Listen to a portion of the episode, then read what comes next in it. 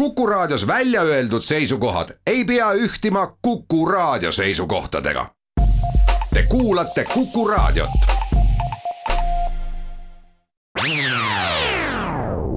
Restart.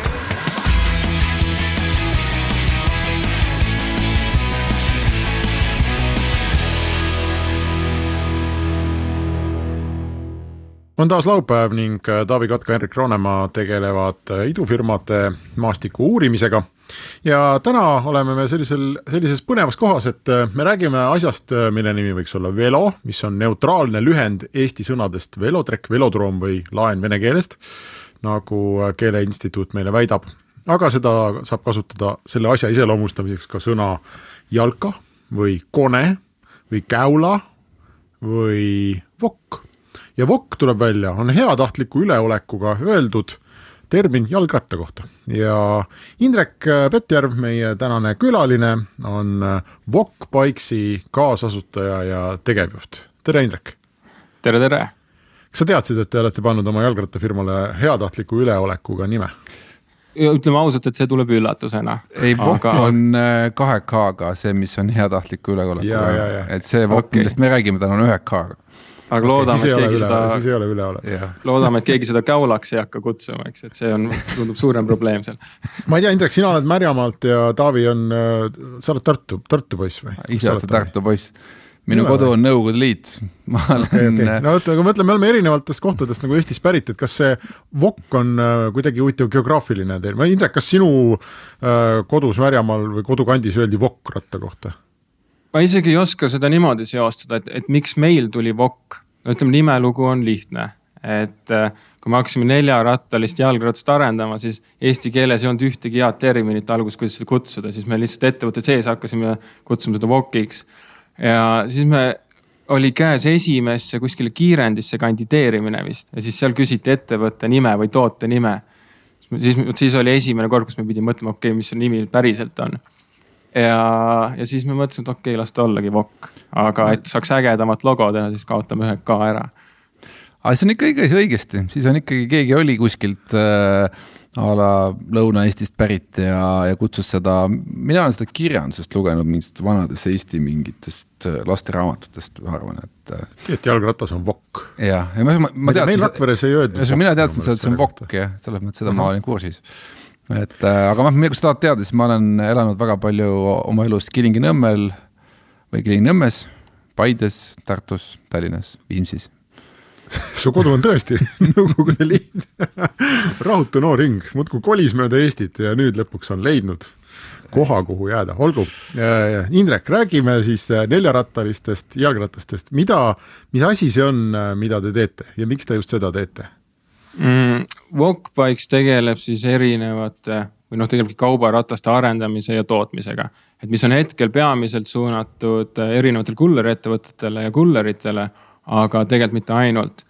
ja kui ma peaks seda sõidukit kuidagi raadiokuulajale kirjeldama, siis sellel on neli ratast, esiklaas, katus, suur kaubaruum. see on auto. aga, aga kuldtarkust ja nutikust, vot ei ole auto, et ta on, ta on nihuke väike väike putukas mahub igale poole, see on stabiilne, sellega on väga hea manööverdada, äge sõita, keskkonnasõbralik.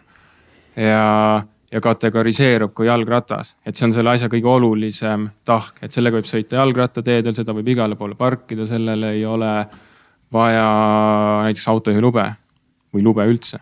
ühesõnaga tavainimesel tekib kohe mingi analoogvõrdlus vanalinnas ringi tiirutanud äh, selliste äh, elektriliste riksadega. Äh, ma saan aru, et kohe esimene vahe on selles, et need olid kolmerattalised ja Wok on neljarattaline, et see on juba esimene vahe. ja teine on see, et need riksad vedasid inimesi ja teie veate kaupa. ja ütleme riksaga võrdlust ma olen palju kuulnud, et, et võib-olla seal kontseptsiooni juured ka kuidagi sinna riksani ulatuvad aga ma ise olen vaadanud seda, et kui võrrelda näiteks Nokia kolmkümmend kolmkümmet ja, ja iPhone ühteteist või mis iganes kõige uuem iPhone on. kaksteist.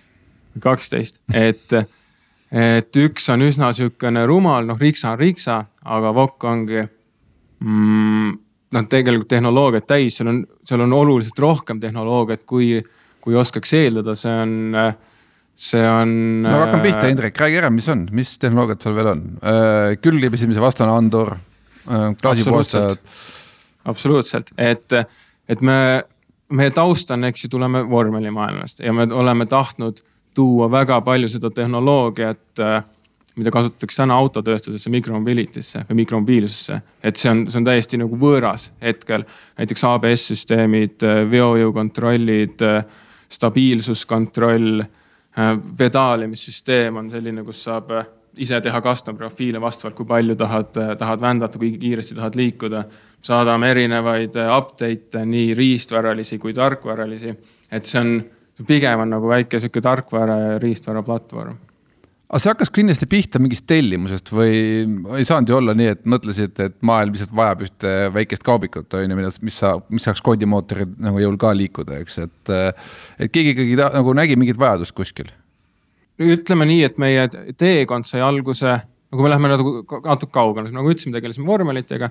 siis meil sai see vormelimaailm sai läbi, oli vaja uusi väljakutseid, siis me tegime oma tootearendusbürood, et, et meil sel hetkel mõtlesime, et noh, niikaua kuni tuleb endal mingi äge idee, aitame teisi, teistel maailma muuta, teeme enda jaoks midagi ägedat. ja, ja siis me sattusime koostööd tegema Go-Module'iga, et me aitasime neil arendada tuuletõukeratast, tegime kontseptsioonid, äh, prototüübid. ja siis, kui me andsime selle üle neile, siis me olime positsioonis, kus me olime hästi palju õppinud mikromobiilsusest, me olime selle turuga väga hästi kursis. nägime neid trende, mis seal toimub, nägime, et linnad muutuvad, tehakse Äh, rattateid autoteede asemel, autovaba alasid. ja siis meil tekkis lihtsalt küsimus, et okei okay,, aga mis on alternatiiv näiteks äh, postitöötajatele või kulleriettevõtetele või isegi pereemale, kellel on vaja poekott poest koju tuua või, või laps lasteaeda viia. ja siis hakkas hästi palju erinevaid äh, äh, otsi kokku minema, et me suhtlesime kullerettevõtetega, et mis, mis nägemus nendel on. suhtlesime erinevate postiettevõtetega, teenusettevõtetega ja pluss see mikromobiilsuse taust, siis me jõudsime kuidagi kaubarattani. ja see oli sihukene hetk, kus me nägime, et, et kaubarataste maailmas on mingi möll lahti läinud. et jube nigelaid tooteid ostetakse jube kalli raha eest ja siis me mõtlesime, et okei okay,, et, et seda me oskaks küll paremini teha. ja siis me tegime Indrek, mis asi on kallis raha, too mingi näide, et me saaks kohe mingi võrdlusbaasi nagu paika, et iga inimene teab, palju ratas maksab umbes on ju, et siis kauba jalgratas, mida praegu kehvasti maailmas senimaani on tehtud, me ei küsi veel teie hinda, aga küsime lihtsalt see, et mis hinnaga siis teised müüvad täna sellist asja umbes? Ja näiteks noh, kes võib-olla kujutab ette, on kolmerattaline kaubaratas, kus on sihuke vineeriskast ees, sihuke kõige klassikalisem Nende hinnad võivad vabalt olla kuskil neli tuhat eurot, viis tuhat eurot. aga see on juba elektriline ikkagi, et see ei ja, ole ainult no, no, no, just, et see elektriline siis pedaalimisabiline on nendel üldiselt küljes. Tavaline ratas elektriline maksab umbes kaks tuhat, eks Hendrik, sina oled nagu kursis nendega? ma ei tea, Indrek, ma arvan, teab paremini, ma usun, et äh, Ampler vist on paari tuhande juures, aga ma tegelikult arvan, et sa võid saada ka kindlasti juba tänapäeval mingi tuhandega ja just, et, et, et Ampler on kuskil kaks pool tuhat, kolm tuhat sõltuvalt mudelist ja, aga jah, siuksed kõige esimesed, kõige odavamad algavad seal umbes peale tuhande juures. okei okay,, aga nüüd ongi see, et äh, tegite oma kaabiku valmis. Äh, kuhu sa läksid sellega, et äh, kuhu ta siis sobib kõige paremini, noh kindlasti vanalinna, eks on ju, aga kuhu veel? siis, kui me hakkasime ettevõtetega suhtlema, siis me, siis me jätkasime kogu aeg nende kullerettevõtetega suhtlemist selles võtmes, et, et mis, mis nemad näeksid, mida nendel on vaja kuni siis selleni välja, et me täna piloteerime koos nendega, et meil on piloodis sees nii Eesti Post ehk siis Omniva äh,, Wolt, City City, Tool või Go-Module tegelikult, tegelikult testis juba seda lahendust oma tõukerataste fliidi hooldamiseks suvel. et nendega me oleme jätkanud ja, ja täna kõige suurem potentsiaal ongi just nii-öelda on-demand delivery äh, sektoris et kus on Wolt, kus on Bolt, äh, Deliveroo, Delivery Hero'd, et, et neid suuri tegijaid on maailmas juba hästi palju. Aga nendel... see, aga see teie toode on nüüd ikkagi selline, et ma istun sinna sisse ja ma pean väntama või on mingi nupp, mida ma vajutan ja siis ta väntab iseennast? ja see sõltub natuke seadusandlusest, aga, aga üldiselt on Euroopas on niimoodi, et nupuga võid sõita kuni kuus kilomeetrit tunnis ja vändates mm -hmm. võid sõita kuni kakskümmend viis kilomeetrit tunnis. nii et see teie asi läheb siis kuni kakskümmend viis kilomeetrit tunnis? just, et, et see on siis vastavalt, jah, vastavalt äh, seadusandlusele. aga ütleme, et noh, meil on siin see probleem, eks ole, et Tallinn on, on nagu lonkav sant selles jalgrattamaailmas, aga noh, oma, oma rattateede ja muu infrastruktuuri poolest, aga kui ma kujutan nüüd äh, seda ikkagi tavalisest rattast ju suuremat ja laiemat asja meie niigi olematutele kõnnijalg, ma ei tea, mis teedele ette siia nagu suvel sibama, siis minu pähe see Tallinnas kuidagi ei mahu see, et kuidas see võimalik on, et mina tahaks automaatselt paigutada teie selle Woki sõitma ikkagi autoteele. Ähm, ja seal ta on jälle liiga aeglane, kus te sõidate nendega? Äh, Eesti on selles mõttes üldse üsna harukordse seadusandlusega riik, et kuna siin rattateid ei ole, siis siin võib ka ratta ja tõukerattaga sõita tavalisel kõnniteel. valdav osa Euroopast, valdavas osas Euroopast see ei ole lubatud, et ta ongi jalakäijatel on jalakäijate tee, rattad, ratturitel on rattatee ja autodel on autotee et Eestis me võime sõita täpselt noh, absoluutselt igal pool seal, kus võib tavalise rattaga sõita. ei no ma saan aru, et te võite, aga kuule, kui äh, ma ei tea, mingi Wolti või Bolti äh, logoga see, äh, see kuut tuiskab läbi kõnniteel olevate nagu inimeste, et noh, siis, siis see Wolt või Bolt tuleb väga kähku teile ja ütleb, et kuulge, sorry, et me peame ära lõpetama selle, sellepärast et meie mainele mõjub see väga halvasti. et kuhu nad nagu reaalselt mahuvad peale selle, et nad võivad? ja ütleme, saab niimoodi võrrelda, tavalise ratta laius, lenksu laius on umbes kuuskümmend sentimeetrit selle laius on kaheksakümmend sentimeetrit. ehk siis ta ei ole üldsegi nii palju laiem, kui, kui võib-olla pildi pealt võiks tunduda. ehk siis tegelikult siiamaani sihukest mahtumise probleemi või ruumi probleemi väga palju pole olnud. ja noh, samas me peame ka kogu aeg hoidma või pidama meeles seda, et Eesti ei olegi meie, meie sihtturg, et Eesti on hea koht, kus testida. ta on isegi, võiks öelda, et ideaalne koht, kus testida, sest eriti praegusel ajal me lansseerisime oma piloodid noh, kõige karmimal ajal üldse, võib-olla viimase viie aasta jooksul.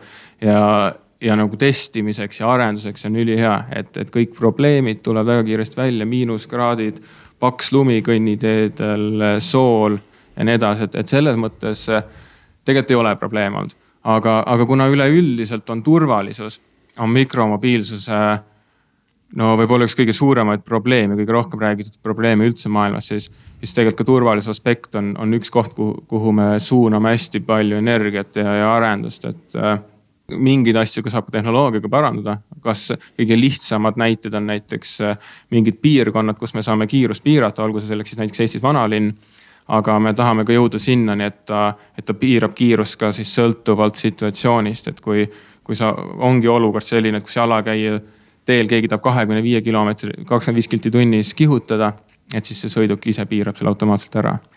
väga hea, lähme teeme siit esimese pausi. Restart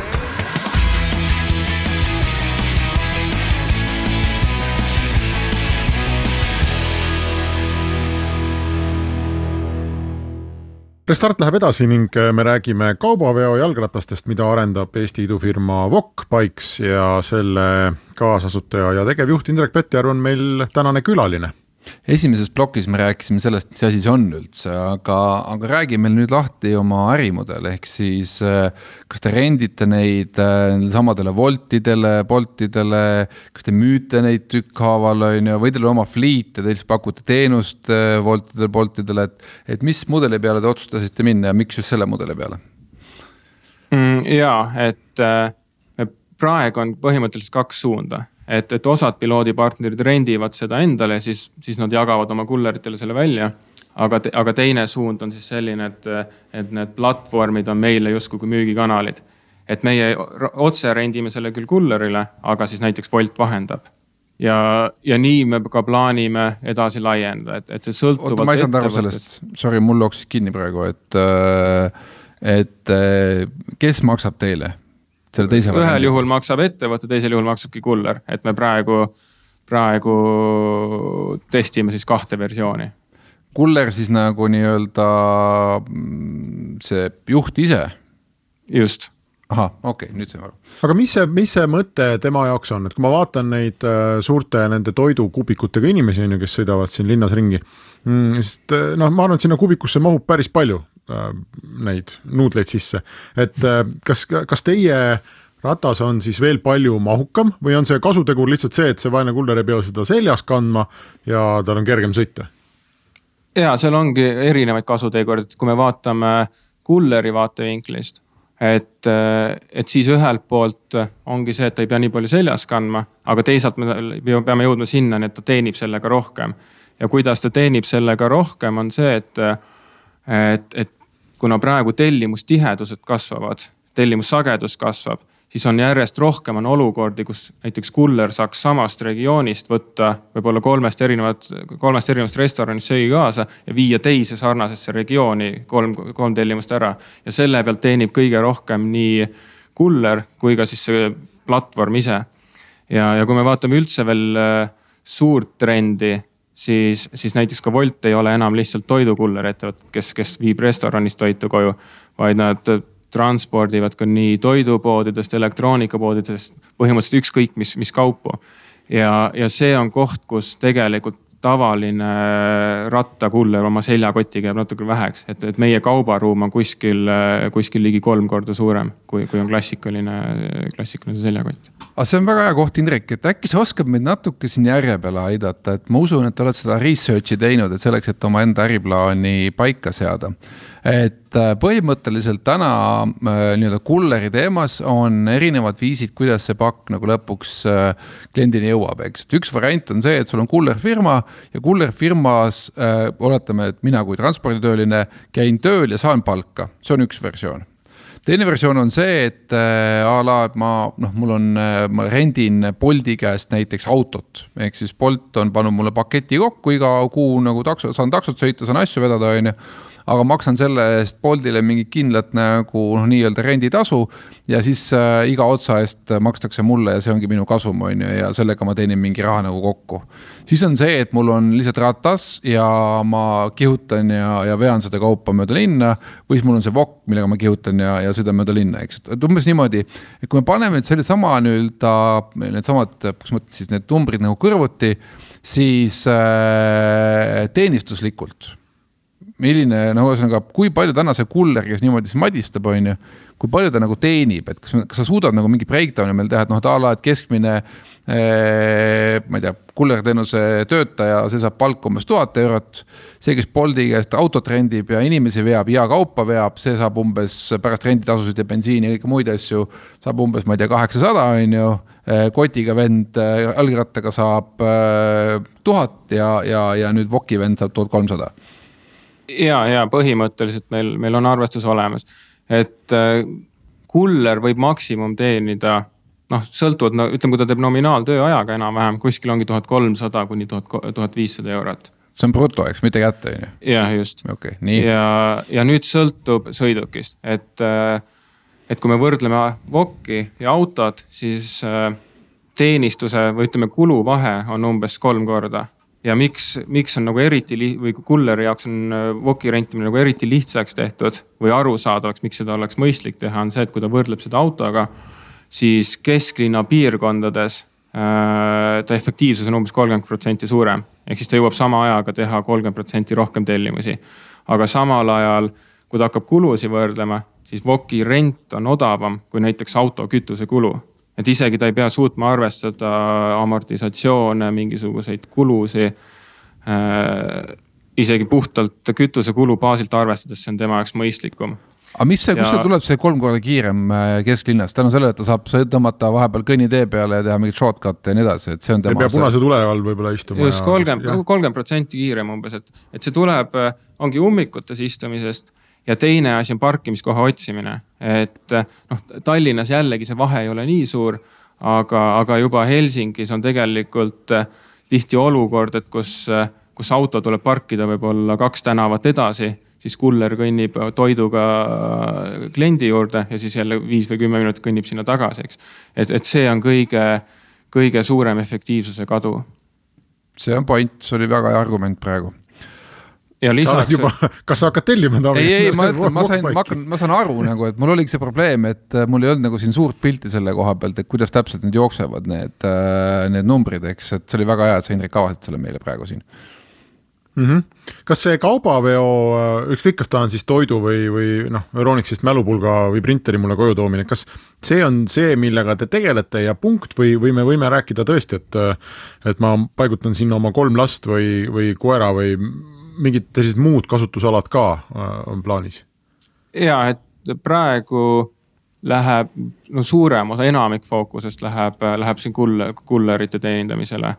aga, aga tegelikult on meil ka juba töös kahekohaline versioon, mida hakata testima erinevates. kaks, kaks sõpra sõidavad kuhugi jah? just, et Teat, erinevates rendiaplikatsioonides näiteks, et kui meil on tõukerattad tänavatel, et siis, siis teatud kohtades äh, katsetame koostöös äh, mõne rendiettevõttega seda rentimist ja, ja kuni siis sinnani jah välja, et ongi tavatarbijale mõeldud toode. et pikas perspektiivis me plaanime tavatarbija jaoks teha nagu täiesti eraldi mudeli, aga aga alguses jällegi katsetame sellesama, sama mudeli baasil tehtud lihtsalt kahekohaline versioon. aga ma just mõtlen, et kuidas sina kui startup'i juht mõtled, et äh, öeldakse ikka, et fokusseeri ja otsi enda jaoks ikkagi optimaalselt seda ärimudelit, et. et äh, täna ma saan aru, et ikkagi vaatad selle pilguga, et äh, saaks nagu mõlemat, et saaks nagu müüa neid rattaid ükshaaval, on ju. ehk selles mõttes nagu klassikaline selline tootmisettevõte ja teistpidi saaks nagu ka rentida. ehk siis noh, läheb sinnapoole, et, et omad oma fleet'i ja nii edasi, on ju, et. Et kas sa näed siin ka mingit konflikti või see kokkuvõttes väga hästi nagu toidab üksteist, et põhimõtteliselt üks ei sega teist? ja need valdavad turud võiksid olla nagu tegelikult erinevad, et äh, miks me miks me eelistame rendimudelit? võib-olla on kolm sihukest lihtsat põhjust, punkt üks, et kui hakata Excelis järge ajama, siis see on lihtsalt äh, kasumlikum.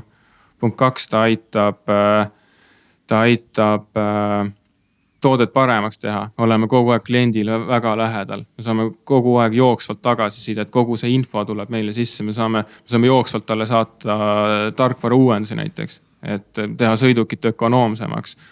ja kolmandaks see, läbi selle me saame seda kiiremini skaleerida, et me jõuame, jõuamegi kohe kulleri juurde. ja, ja miks on, miks võib-olla see rent on üldse oluline või miks me üldse tahame ise tegeleda kulleritega on paljuski sellepärast, et, et Bolt või Bolt või, või ka teised teenuspakkujad või platvormihaldurid. noh, see ei ole nende huvi üldiselt omada fleet'i ja tegeleda fleet'iga, et. no Boltil on, Boltil on äh, tõukside fleet noh just Bolt on üsna harukordne näide seal, et, et enamikel juhtudel seda tegelikult ei ole. Ja see, see ei olegi nende huvi, nemad tahavad tegeleda oma platvormiga, nad võivad hea meelega seda sõidukit vahendada, aga nad ei taha rohkem seda sõidukiga tegeleda. ja siis ongi, siis olemegi meie, kes võtab kogu selle valu nende käest ära, ise saame paremat toodet arendada. Aga nüüd, kui sa lähed sinna Helsingisse või Kopenhaagenisse üldse planeerid oma tootmist, siis äh, noh, hetkel ma saan aru, et ikkagi äh, turul vajadus on olemas, et äh, mis see nii-öelda skaleerimise plaan üldse on, et äh, noh, Helsing on hea mugav siinsamas kõrval, eks, aga, aga tegelikult peaks ju vist tormama kohe ma ei tea, Amsterdami või Kopenhaagenisse või kus on nagu väga head tingimused selleks, et, et. Berliini. et seda kasutada, seda toonet, või noh, London muidugi ideaalne koht jälle. just, et kui me räägime sihukestest sihtturgudest või eesmärkidest siis ongi Pariis, London, Berliin on äh, kolm sihukest kõige suuremat ja üks nendest kolmest peaks juhtuma ka juba, juba selle aasta jooksul.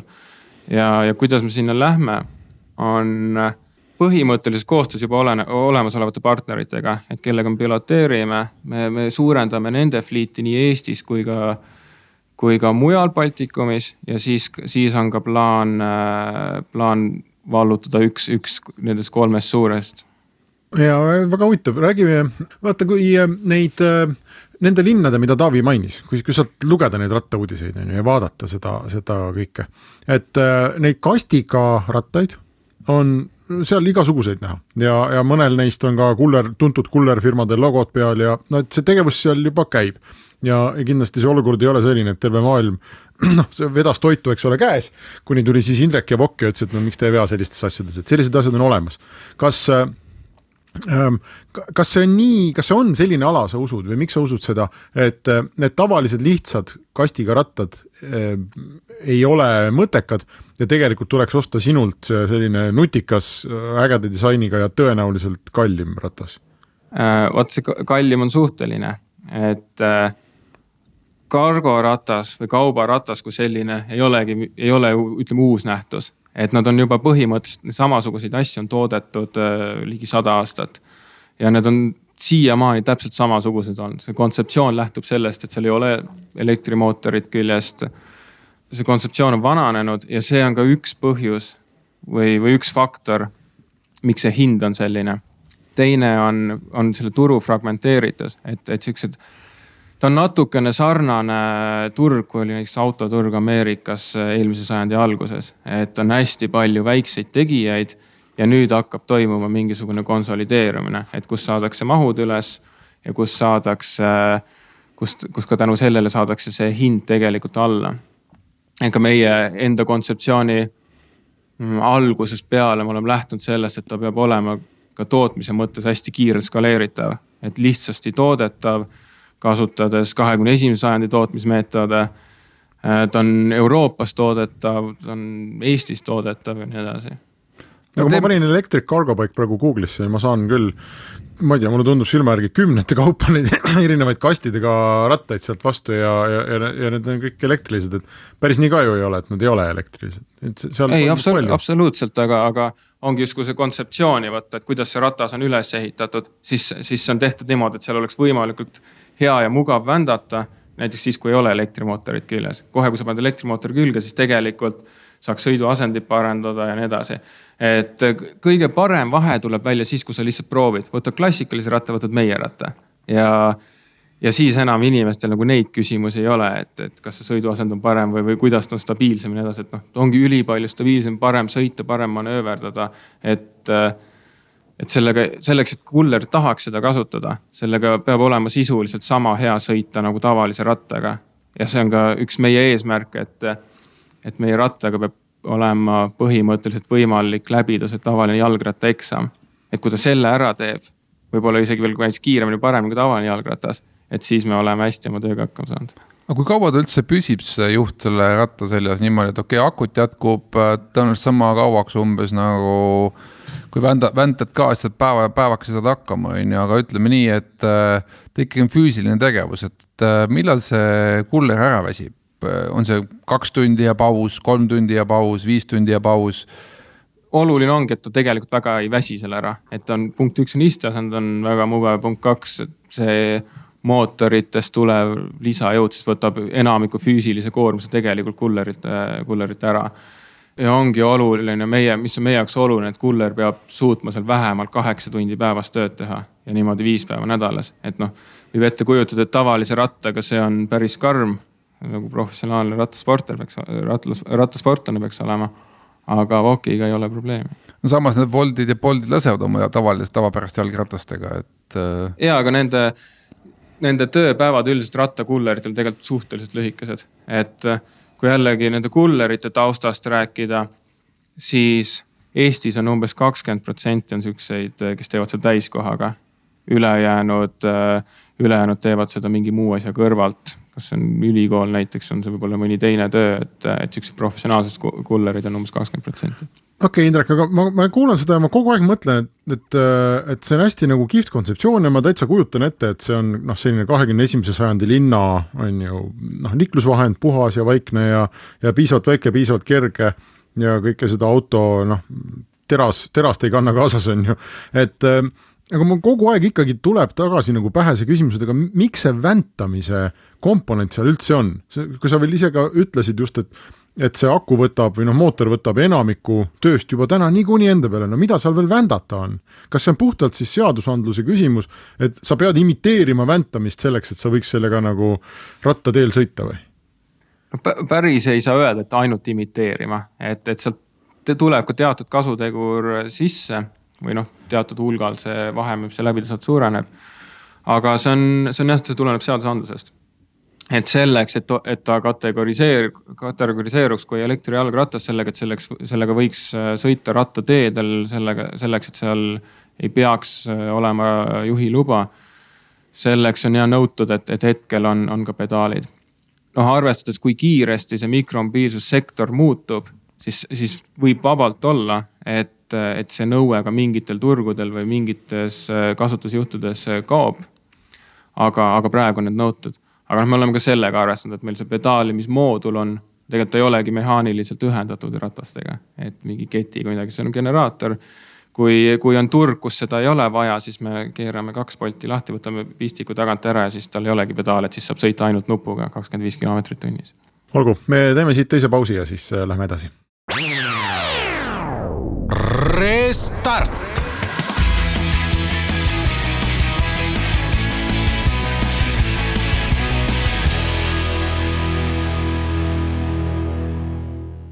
Restart jätkub ning me räägime kaubaveoratastest Indrek Petjärvega, kes on Eesti äh, idufirma Wokbikesi kaasasutaja ja juht. räägime nüüd tootmisest, et sa ütlesid, et sa pead jõudma nüüd sellel aastal veel kas Pariisi, Londonisse või Berliini, eks, et äh, ja noh, ma saan aru, et su äriplaan on ehitatud ikka selle peale üles, et sa mitte ei tooda siin sada ratast või kakssada ratast, vaid me räägime ikkagi tuhandetest, eks ja nüüd, kui me räägime tuhandetest, siis on ikkagi tootmine. Äh, tootmine jälle tähendab seda, et ühelt poolt sa pead seda kapitaliseerima, sul on ikkagi arenduskulud. Äh, teiselt poolt oma renditasuga isegi nii-öelda, kui nad seal, ma ei tea, liisivad, juppa seda välja ostavad, on ju, sa ei saa seda kapitali kohe tagasi. et esimene küsimus on, et kuidas sa rahastad seda ja teine küsimus on see, et kus sa toodad seda. ja rahastamise pool ongi, ongi äh, üsna keeruline, eriti alguses et see läheb oluliselt lihtsamaks siis, kui on ära tõestatud, et, et need sõidukid päriselt sõidavadki, need töötavadki, need on vastupidavad. Nendel on järelturu väärtus ja peale seda on asutusi, kes on valmis seda finantseerima kui sõidukit. siis ütleme, neid siis juba on ja see, see on nagu tehtav sihuke klassikaline liising põhimõtteliselt. põhimõtteliselt küll jah, aga, aga noh, selleks tulebki natukene eeldut teha, et meie jaoks ongi oluline ära tõestada, et on järelturg olemas ja see sõiduk kestab ja, ja näiteks kui noh, meiega peaks midagi juhtuma, et siis pangal on selle, selle rattaga päriselt midagi peale hakata. ja tootmise, tootmine on lahendatud nii, et meil sisuliselt me ostame kõik teenused sisse, et, et meil on Eestis tootmispartnerid olemas mm, kellega me suudame skaleerida selle tootmise no vähemalt kuskil viie kuni kümne tuhande ühikuni aastas siis võib tekkida kerge probleem, aga ma arvan, et, et ka tegelikult see on Eestis ületatav. Äh, kõige sihukene viimane komplekteerimine, see on praegu, mida me teeme ise. aga, aga see võib ka kukkuda nii mõlemal pool, et kas me jätkame selle lõppkomplekteerimisega või me tegelikult laseme ka seda väljas teha. aga kokkuvõttes, kes teil müüki teeb? müüki teevad äh, ettevõtte asutajad hetkel ja, ja ka me tegelikult värbame praegu üsna aktiivselt. Äh, meil on peaaegu kümme vaba positsiooni, et, et, et nende hulgas on ka, on ka üks sihuke müügiinimene ja selles mõttes, äh, aga selle, kui meil ongi, oletame, et see on Pariis, kuhu te jätkate praegu, siis äh, komplekteerimine läheks ka siis sinna Pariisi külje alla. või laote siit lihtsalt masina peale, suure treila peale need aparaadid ja lähevad sadade kaupa? ütleme, siis jääb ikkagi komplekteerimine ja tootmine jääb endiselt Eestisse, et, et see Euroopa-sisene transport, see on piisavalt odav. ja no võime ette kujutada, et üks VOK on üks alus, ehk siis selle transport Eestist näiteks Pariisi ongi täpselt, maksab sama palju kui ühe aluse transport aga ma mõtlengi, et see, ma arvan, et paljud kuulajad, eriti need, kes on äh, ise kas startup'i teinud, mõelnud. Äh, see ikka see hirmupunkt on see, et äh, noh, siin ees, Eestis käid seal Omniva juures ära või, või, või DPD või, või Wolti juures, noh, ei ole nagu midagi keerulist, noh. sommid on ka ikkagi vennasrahvas ja võtavad jutule ja kuulavad ära, eks, aga, aga minna nüüd seal Pariisis koputama ikkagi mingi ma ei tea, DHL-i või kelle iganes ukse peale, et see nagu ei kõla üldse nagu mugav, et noh, see on ikka tööd vaja teha, on ju, ja no ma ei tea, äkki ta, äkki ta ei tee ust lahti, on ju, või ma ei tea, äkki ta ei vasta mu emailile, on ju, et et äh, kuidas teil selle hirmuga on läinud või, või, või see on ikkagi, ütleme sõna otseses mõttes veel avastamata maailm? ja see hirm oli, see hirm oli alguses suurem, et peale seda, kui esimesed uudised hakkasid äh,, hakkasid LinkedInis äh, levima, siis tuli meie endal, meil endal väga palju päringuid. Ja just äh, sellest äh, äh on demand delivery sektorist, et inimesed või ettevõtted näevad potentsiaali sihukestel lahendustel ja, ja noh, kuna meie ratas on nagu täpselt noh, suunitletud sinna turule. siis nad nagu kuidagi väga mõistavad seda või väga lihtsalt mõistavad selle toote olemust ja, ja võtavad isegi meie endaga ühendust. aga noh, DHL-i või TPD või sihukese vana kooli postiettevõtetega, need on kindlasti aeganõudev, aeganõudvam ja, ja klassikaliselt pikad ärimüügiprotsessid, pool aastat. aga teine asi on kui ma, kui ma kuulan, kuidas Indrek räägib ja kui ma kuulan, mida ta räägib ja siis äh, sealt noh, kaamerast, eks ole, küll ei näe, aga ma võiks vanduda, et sinu selja taga on äh, Kristjan Maruste, kes, äh, kes nagu etleb seda ja, ja noh, nagu sa ütlesid, te olete vormeliprojektist pärit, tema on ka, eks ole, teil on ju tegelikult päris tihe koostöö Kristjaniga. et, et mulle tundub, et mingis mõttes võib-olla Eestis hakkab selline klaster tekkima või selline seltskond firmasid, noh. et ma teisest otsast suudan ette kujutada, kuidas äh, Sixfold tegeleb, eks ole, transporditeemadega ja et noh, kuskil on mingid inimesed, kellel on juba lahti tehtud uksed noh, või, või, või Bolt või, või kasvõi Wolt siin Eestis et kellel juba uksed on lahti tehtud ja kes tegelikult saavad äh, sind nii-öelda e-, endaga koos ka sinu sisse smugeldada. ma ei tea, kas, kas teil on juba olnud selliseid juhtumeid või kas sa näed seda tulevikus, et sellest on kasu? jaa, absoluutselt, et on olnud ja, ja tuleb ka kindlasti tulevikus. et ma arvan, et Eesti, Eestis vaatamata sellele, et siin näiteks jalgratta infrastruktuuri või sellist ei ole, siis, siis see ettevõtete võrgustik on ikkagi väga tugev, kes mikromobiilsuse maailmas tegelevad, et olgu selleks mm -hmm. Bolt, GoModule Amplerbike, Spikekeep ja nii edasi, et, et see tegelikult see baas on väga tugev ja siin on seda väga hea teha. ja, ja me oleme ka tõesti väga tihedalt nagu Comoduliga seotud, just selles mõttes, et me kasutame nende tehnoloogiat osaliselt IoT-d ja, ja ka akusi. aga teisalt on nemad meie klient, et kasutavad meie rattaid oma fliidi hoolduseks. ja Kristjan on teie investor. Kristjan on meie investor ja, ja ka mentor, et, et neid äh, ühiseid punkte on hästi palju.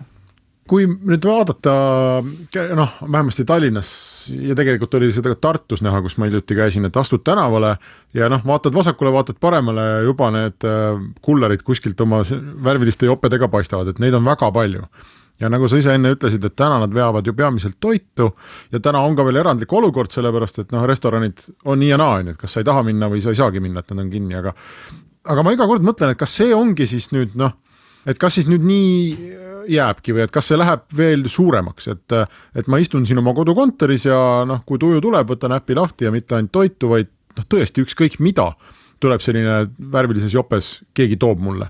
Ja, ja, ja see veel, ma ei tea, kümnekordistub, see inimeste hulk tänaval, kes niimoodi ringi sõidavad, kas sina näed seda, mis, mis tulevik on?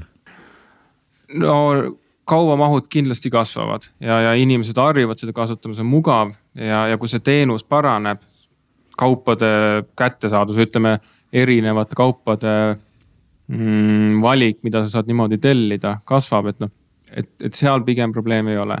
Aga kus, kus tulebki probleem, on see, et tõenäoliselt kullerite arv ei kasva kümnekordselt, isegi kui mahtude arv kasvab, ehk siis see, see tegevus peab minema efektiivsemaks ja, ja meie võiksimegi olla ja me olemegi relv selle jaoks, et see tegevus saaks minna efektiivsemaks, et see üks kuller saakski viia sama ajaga oluliselt rohkem pakke. ja nii on seda ka võimalik pikaajaliselt ja jätkusuutlikult teha. viies ilmselt isegi ühe tarne hinda alla.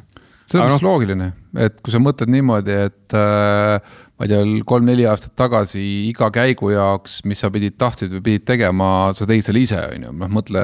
sa ka Henrik loobusid põhimõtteliselt ju noh, mõnes mõttes autos sellepärast, et sa avastasid, et, et ei olegi vaja enam ise kuskil järgi käia, et. kõik, mis on kaugemal, kõik, mis on kuskil elektroonikapoes, see tuleb sulle lupsti nagu kulleriga kohale, on ju.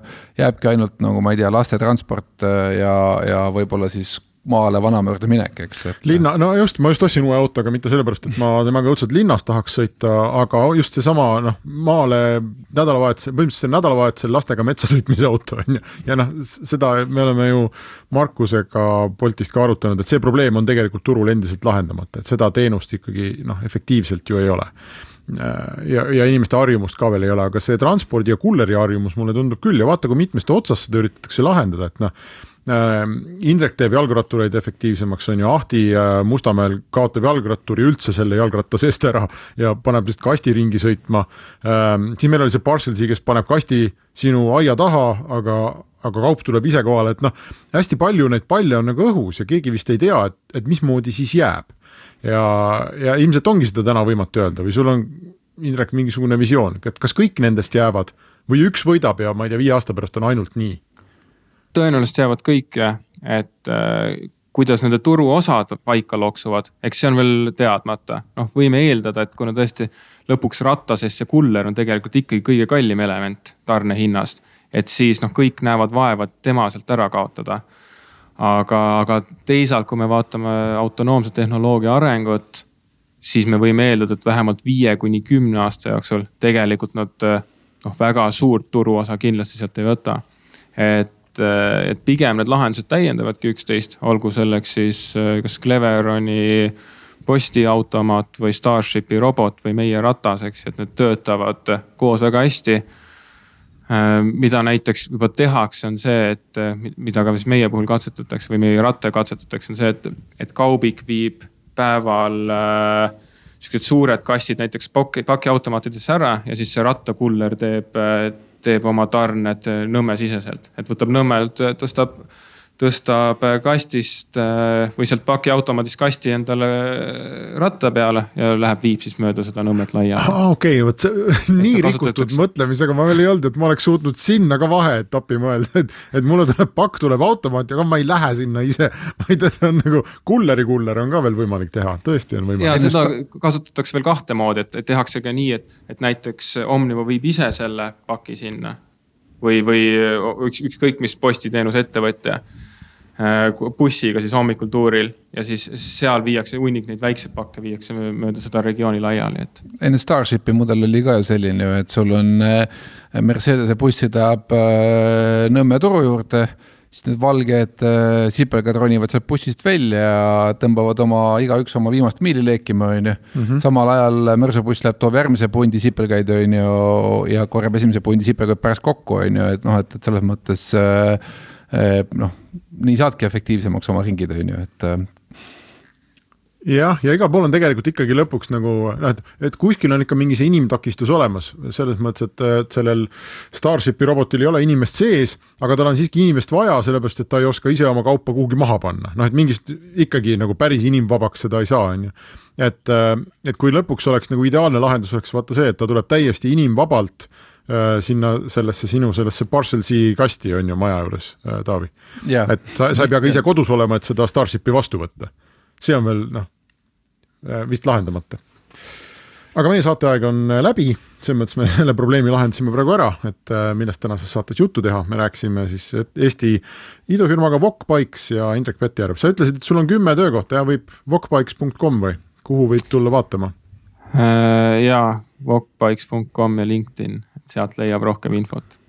selge, nii et äh, kes tunneb südames, et just see on õige, siis võib minna vaatama, aga aitäh sulle, Indrek, ja ma väga loodan, et me näeme siis, kui see suur lumi ära läheb, näeme sinu kuute Tallinnas ringi sõitmas ja saab. juba praegu näeb tegelikult. juba praegu näeb, kus kandis, mina ei ole näinud. Okay.. üle Tallinna sõidavad piloodipartnerid ringi. Ah.. Geenius on isegi loo teinud sellest ja ega lugu ei tähenda veel, et et tänaval oleks, aga ühesõnaga hoidke silmad lahti, kui Vokk tuleb, siis teate, Eesti asi. aitäh kõigile, kes kuulasid ja kohtume nädala aja pärast. Restart